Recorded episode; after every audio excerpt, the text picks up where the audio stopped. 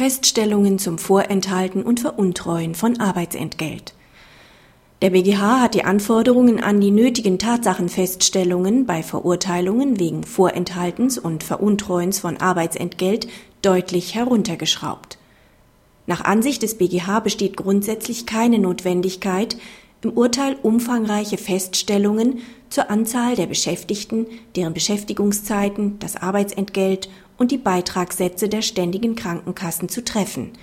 Vielmehr soll es ausreichen, wenn neben den Tatsachen, die die Arbeitgeberstellung des Täters begründen, lediglich die Höhe der vorenthaltenen Gesamtsozialversicherungsbeiträge und der darin enthaltenen Arbeitnehmeranteile die geschädigte Krankenkasse und der Zeitraum, in dem Beiträge vorenthalten wurden, festgestellt wird.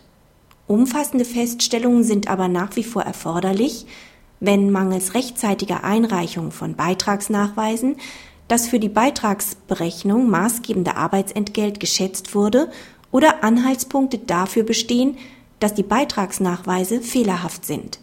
Praxishinweis die Entscheidung bedeutet eine Abkehr von der früheren Rechtsprechung. Zu beachten ist, dass für Taten vor dem 1.4.2003 nach wie vor umfangreichere Feststellungen getroffen werden müssen, um auszuschließen, dass zu den Arbeitnehmern auch geringfügig Beschäftigte zählten